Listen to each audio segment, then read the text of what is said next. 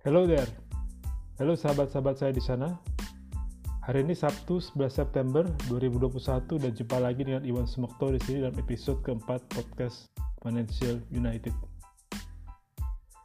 Kali ini kita akan membahas mengenai financial industry atau industri keuangan dan lebih spesifik lagi yaitu mengenai banking industry atau industri perbankan di mana judul topik bahasannya yaitu penyelamatan dini bank bermasalah untuk mencegah terjadinya bank gagal.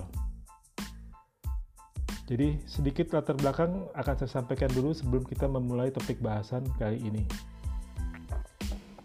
Pandemi COVID-19 saat ini telah bersama kita selama satu setengah tahun terakhir dan secara global telah menyebabkan dampak yang nyata dan sangat berat baik kepada negara dan juga kepada seluruh masyarakat.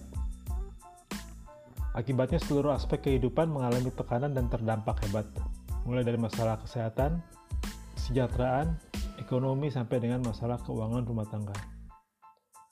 Untuk mengatasi pandemi, berikut dampaknya, pengeluaran pemerintah di seluruh dunia telah melonjak drastis, sehingga menyebabkan defisit anggaran di Indonesia sendiri defisit, uh, defisit anggarannya sebesar 1000 triliun di tahun 2021 ini, di tahun 2021 ini saja. Jadi di Indonesia itu tahun 2021 kita punya angka defisit 1000 1000 triliun untuk melihat angka ini dalam perspektif, maka sebagai gambaran betapa besarnya defisit 1000 triliun dalam satu tahun anggaran ini adalah bahwa pada tahun-tahun sebelum pandemi COVID itu defisit anggaran kita rata-rata sebesar 250 triliun. Tepatnya di APBN 2019 itu 296 triliun atau 300 triliun eh, kurang sedikit jadi dalam dua tahun setelah pandemi tiba, defisit APBN kita tiba-tiba melonjak langsung sebesar 300% lebih. Jadi memang dampaknya luar biasa pandemi COVID ini kepada berbagai sektor kehidupan. Kita bicara mengenai dampak terhadap perekonomian nasional dan angkanya sudah menunjukkan betapa luar biasanya dampaknya peningkatan defisit 300% dalam hanya dalam dua tahun uh, kurang pandemi berjalan luar biasa berat situasinya.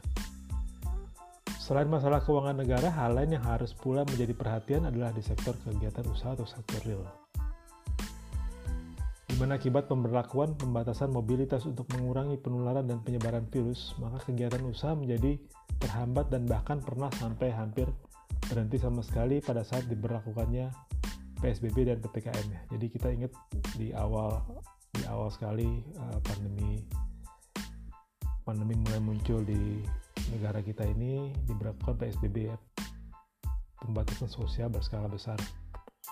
Kemudian eh, seiring berjalannya waktu perubahan eh, pola pembatasan perubahan eh, konsep pembatasan eh, kemudian namanya pun juga berubah jadi PPKM ya. Eh, pemantauan pelaksanaan pembatasan kegiatan masyarakat ya pada level yang ketat. Jadi uh, pada pada saat pelaksanaan PSBB dan ppkm yang yang levelnya ketat itu kegiatan ekonomi itu hampir berhenti sama sekali. Dan di situlah dampak yang terbesar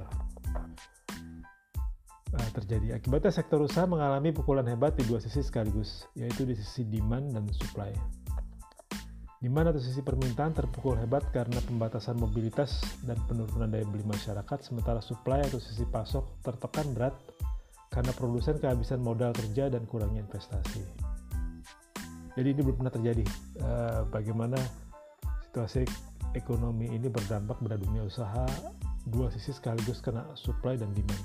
Bisa dibayangkan betapa sulitnya dari sisi pengusaha itu mengatur kegiatan arus kas dan mengatur juga manajemen produksi, manajemen uh, modal kerja semuanya terganggu karena yang kena langsung di dua sisi di supply dan sisi demandnya.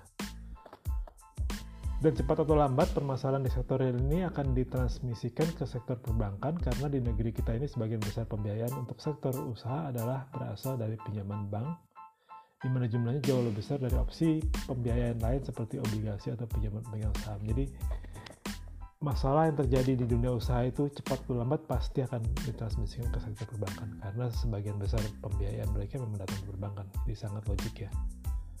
Sehingga dari analisa ini kemudian dapat dikatakan bahwa potensi ancaman kredit macet di sektor perbankan karena pemburukan kondisi keuangan debitur akibat pandemi sudah hampir pasti terjadi.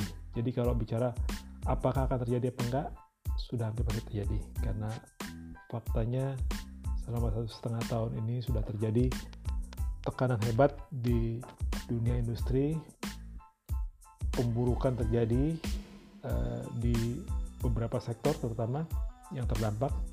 Hebat ya. Dan itu nanti cepat atau lambat akan ditransmisikan ke sektor perbankan karena pembiayaan di sektor industri eh, sektor usaha ini sebagian besar berasal dari perbankan seperti disampaikan tadi sebelumnya. Dan hanya tinggal soal mengenai berapa parah dan seberapa luas serta destruktif akibat yang ditimbulkannya ke dalam ekonomi. Jadi eh, ini hal-hal yang sudah nyata dan sudah harus diantisipasi. Eh, kita nggak nggak perlu lagi membantah atau denying bahwa ini belum akan terjadi. Ya belum belum terjadi tapi potensi sudah ada dan uh, lebih baik bersiap diri untuk mempersiapkan seperti apa dampak yang akan terjadi nanti pada saatnya. Untuk mengantisipasi hal ini, sektor perbankan sendiri juga telah mempersiapkan diri dengan melakukan restrukturisasi kredit debitur dengan mengacu kepada peraturan OJK. Jadi, kalau dari sisi perbankannya, sudah ada peraturan OJK yang memperbolehkan dilakukannya restrukturisasi awalnya satu tahun ya dari mulai 2020 sampai 2021 bulan Maret ya. Namun sekarang telah diperpanjang dua kali sehingga memberikan kesempatan kepada bank untuk melakukan restrukturisasi sampai dengan bulan Maret 2023 namun harus harus disadari ya bahwa bagaimanapun ancaman kredit macet yang tersembunyi dalam angka-angka kredit dalam restrukturisasi itu tetap nyata adanya. Jadi tadi disampaikan bahwa restrukturisasi ini sebetulnya hanya memundurkan masalah. Eh, beberapa nanti bisa membaik dengan situasi dengan perubahan situasi, tapi beberapa mungkin uh, tetap akan seperti itu atau malah menjadi lebih buruk. Jadi uh, poinnya di sini adalah bahwa sehingga dalam periode paling tidak sampai dengan bulan Maret 2023 eh, jadi Maret 2023 itu adalah akhir dari periode restrukturisasi kredit seperti yang diatur oleh peraturan OJK dengan segala cara harus dijaga dan diupayakan agar jangan sampai ada bank yang mengalami masalah likuiditas dan solvabilitas sehingga menjadi bank bermasalah. Jadi kira-kira standpointnya adalah bahwa karena kita sudah mengantisipasi akan terjadinya kredit macet dalam jumlah yang besar di di perbankan setelah berakhirnya periode restrukturisasi OJK ini maka yang harus diupayakan adalah sampai dengan periode itu kalau bisa alangkah baiknya supaya jangan sampai ada bank yang mengalami masalah likuiditas dan solvabilitas jadi jangan sampai ada bank yang bermasalah terlalu cepat atau lebih cepat daripada uh, daripada batas akhir pelaksanaan restrukturisasi itu jadi itulah latar belakang dari topik bahasan kita kali ini yang berjudul penyelamatan dini bank bermasalah untuk mencegah terjadinya bank gagal.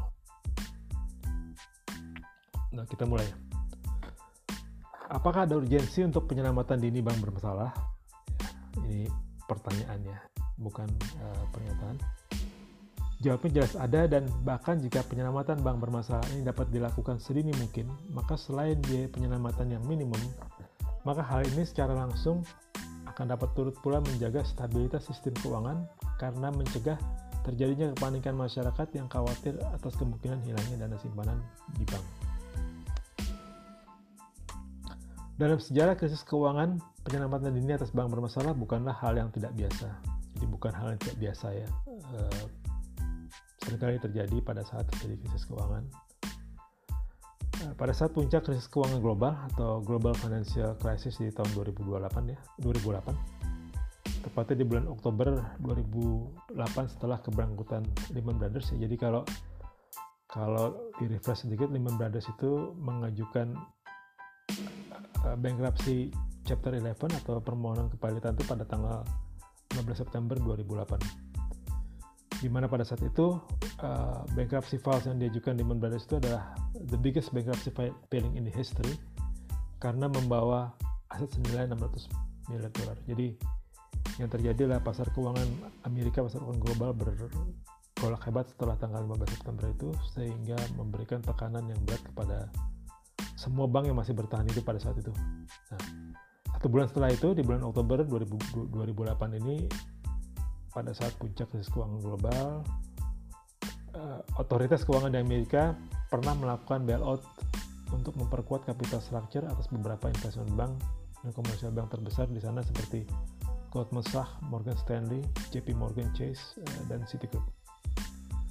Walaupun saat itu semua bank berlima menolak hal tersebut karena merasa tidak memerlukan karena masih berada dalam keadaan liquid, namun otoritas keuangan tetap bersikeras dengan pertimbangan bahwa bailout yang dilakukan kemudian pada saat kondisi bank tertekan akan menjadi jauh lebih mahal biayanya. Jadi pada saat itu uh, bank ya, ada sembilan bank besar terbesar Amerika ini posisinya masih liquid ya, tapi otoritas tidak mengambil resiko. Karena mereka melihat tekanan yang tekanan kepada industri keuangan yang dari hari-hari dari hari ke hari makin makin kuat ya. E, terutama kalau di Amerika ini yang yang berbahaya selain soal likuiditas e, rush dari debiturnya adalah short selling ya. Jadi karena semua semua banknya mereka yang besar-besar itu adalah public company dan sahamnya diperdagangannya yang floating itu jumlahnya besar sekali ya. Hampir seluruh saham itu floating biasanya kalau itu di short sama eh, investor-investor di luar yang mengambil spekul posisi spekulasi itu harga sahamnya bisa tertekan jatuh. Kalau harga sahamnya tertekan jatuh biasanya yang terjadi uh, mereka punya banyak kontrak yang menjaminkan saham itu sehingga akan ada margin call yang besar. Jadi sebetulnya di situlah sumber masalahnya. Makanya karena itu pada saat itu uh, otoritas otoritas uh, keuangan Amerika quote unquote memaksa bank-bank besar itu untuk menerima bailout. Tujuannya jelas bahwa dengan bailout itu capital structure mereka menjadi lebih kuat. Yang pertama, yang kedua ada message yang dikirimkan oleh otoritas kepada uh, kepada investor yang spekulatif itu ya terutama ya bahwa bahwa pemerintah Amerika memberikan dukungan yang penuh kepada bank-bank tersebut sehingga faktanya dengan bailout penyelamatan dini kita sebut tadi yang dilakukan itu sampai dengan berakhir krisis ke 9 bank itu bisa bisa dibilang selamat jadi uh, tidak sampai menjadi uh, bankrupt seperti yang terjadi dengan Lehman Brothers. Nah, ini satu hal contoh yang jadi ilustrasi bahwa penyelamatan dini bank bermasalah itu memiliki fungsi yang strategis. Secara umum, penyelamatan bank bermasalah dapat dilakukan melalui berbagai skema sesuai dengan tahapan di mana penyelamatan tersebut dilakukan. Semakin awal atau semakin dini penyelamatan tersebut dilakukan, maka semakin sedikit biaya penyelamatan yang diperlukan. Sebaliknya, semakin lanjut atau semakin akhir penyelamatan tersebut dilakukan, maka semakin banyak biaya penyelamatan yang diperlukan. Di mana penyelamatan dini dilakukan ketika bank yang terindikasi, terindikasi memiliki masalah likuiditas dan solvabilitas tersebut belum menyatakan sebagai bank gagal dan masuk ke dalam program penyihatan bank, sementara penyelamatan lanjut tersebut ya, dilakukan setelah bank yang bermasalah tersebut dinyatakan sebagai bank gagal. Jadi uh, yang kita sampaikan di sini adalah bahwa dari apa yang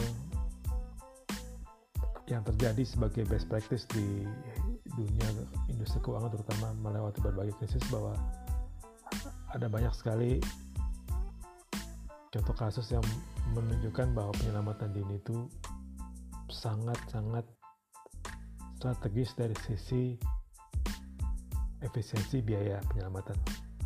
Ya, karena uh, seperti disampaikan tadi bahwa seperti memadamkan api di awal kalau apinya masih kecil itu lebih sedikit effort yang diperlukan. Kalau di belakang penyelamatan lanjut itu apinya sudah besar, effortnya akan lebih lebih banyak lagi daripada pada saat apinya masih kecil.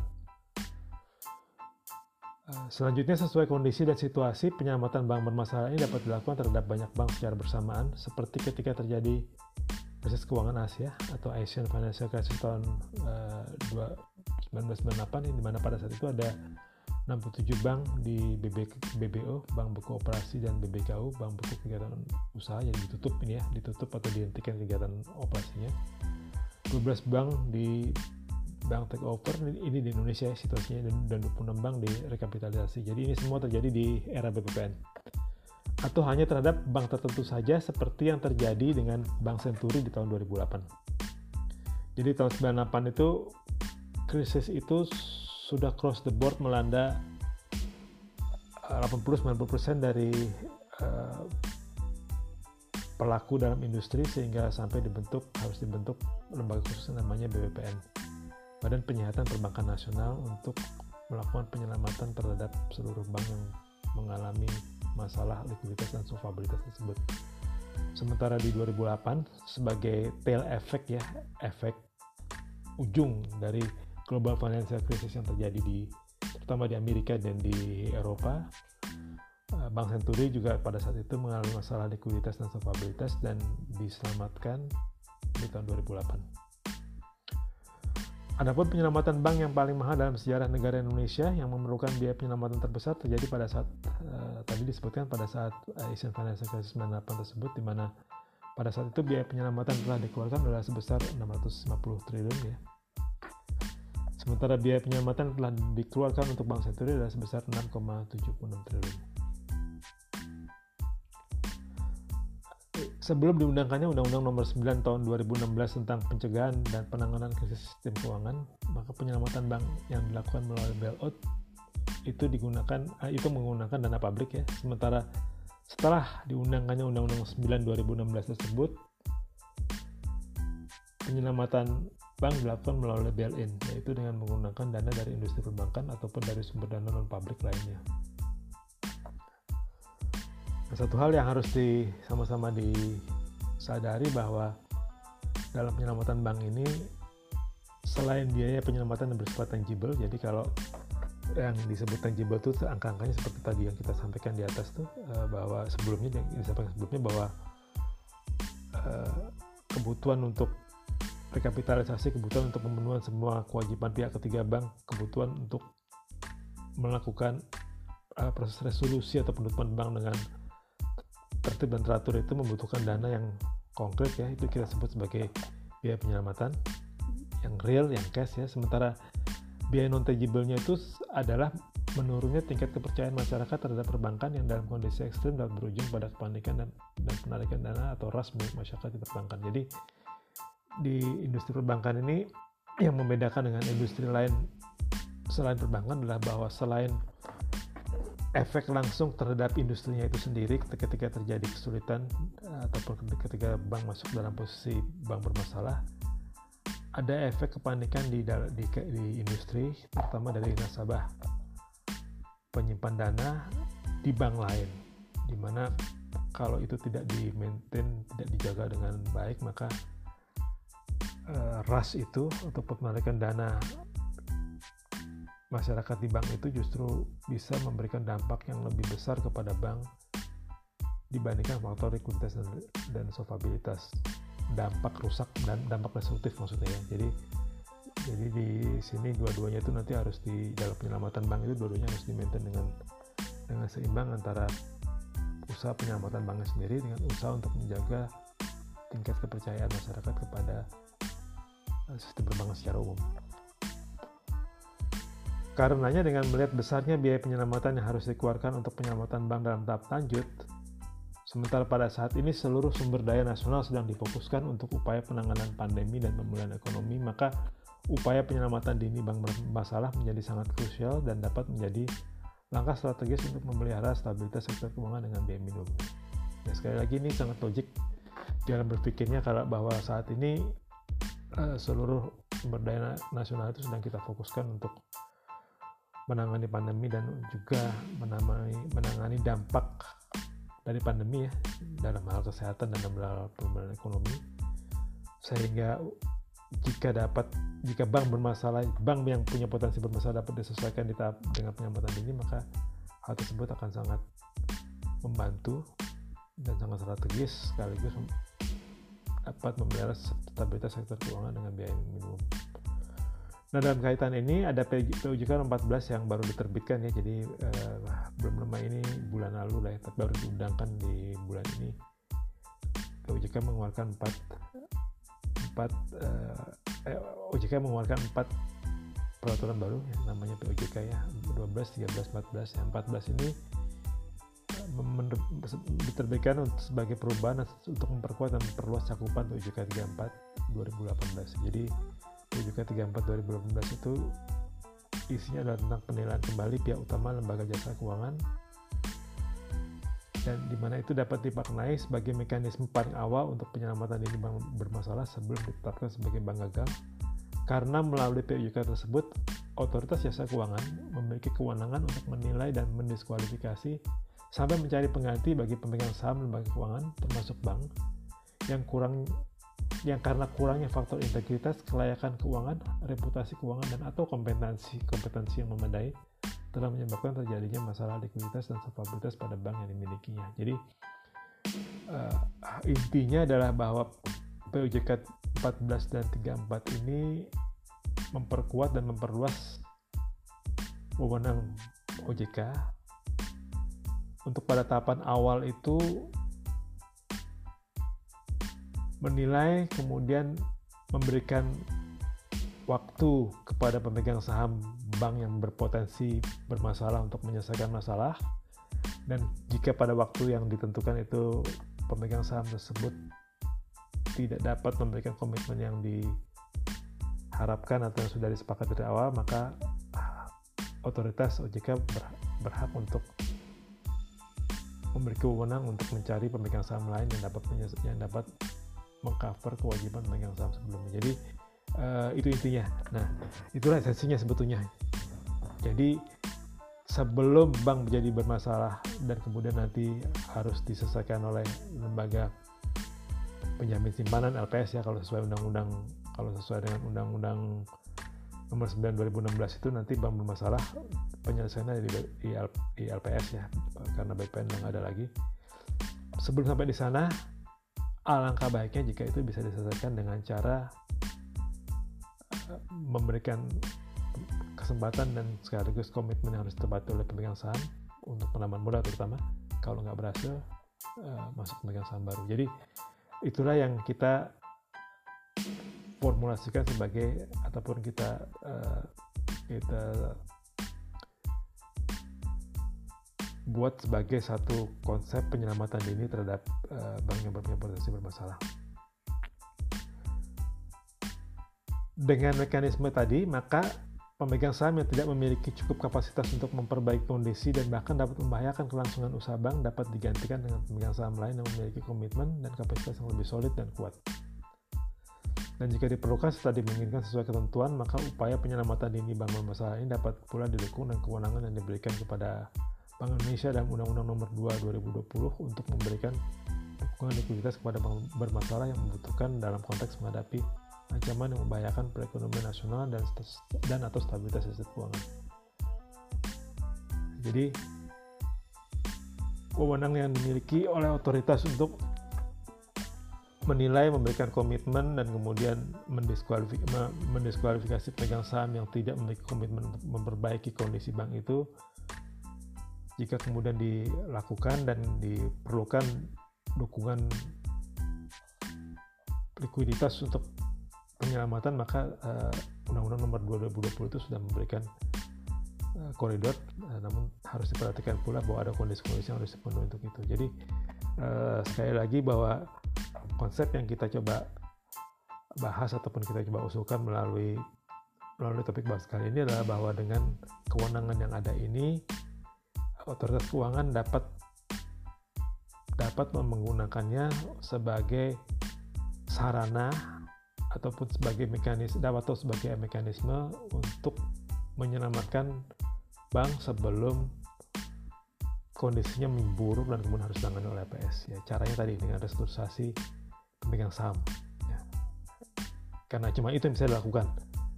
Dan cuma itu yang harus dilakukan karena kalau sudah seperti itu Eh, biasanya kalau bank punya masalah likuiditas solvabilitas itu masalahnya adalah eh, kapitalnya atau modalnya sudah sudah uh, hampir habis ataupun sudah membutuhkan tambahan.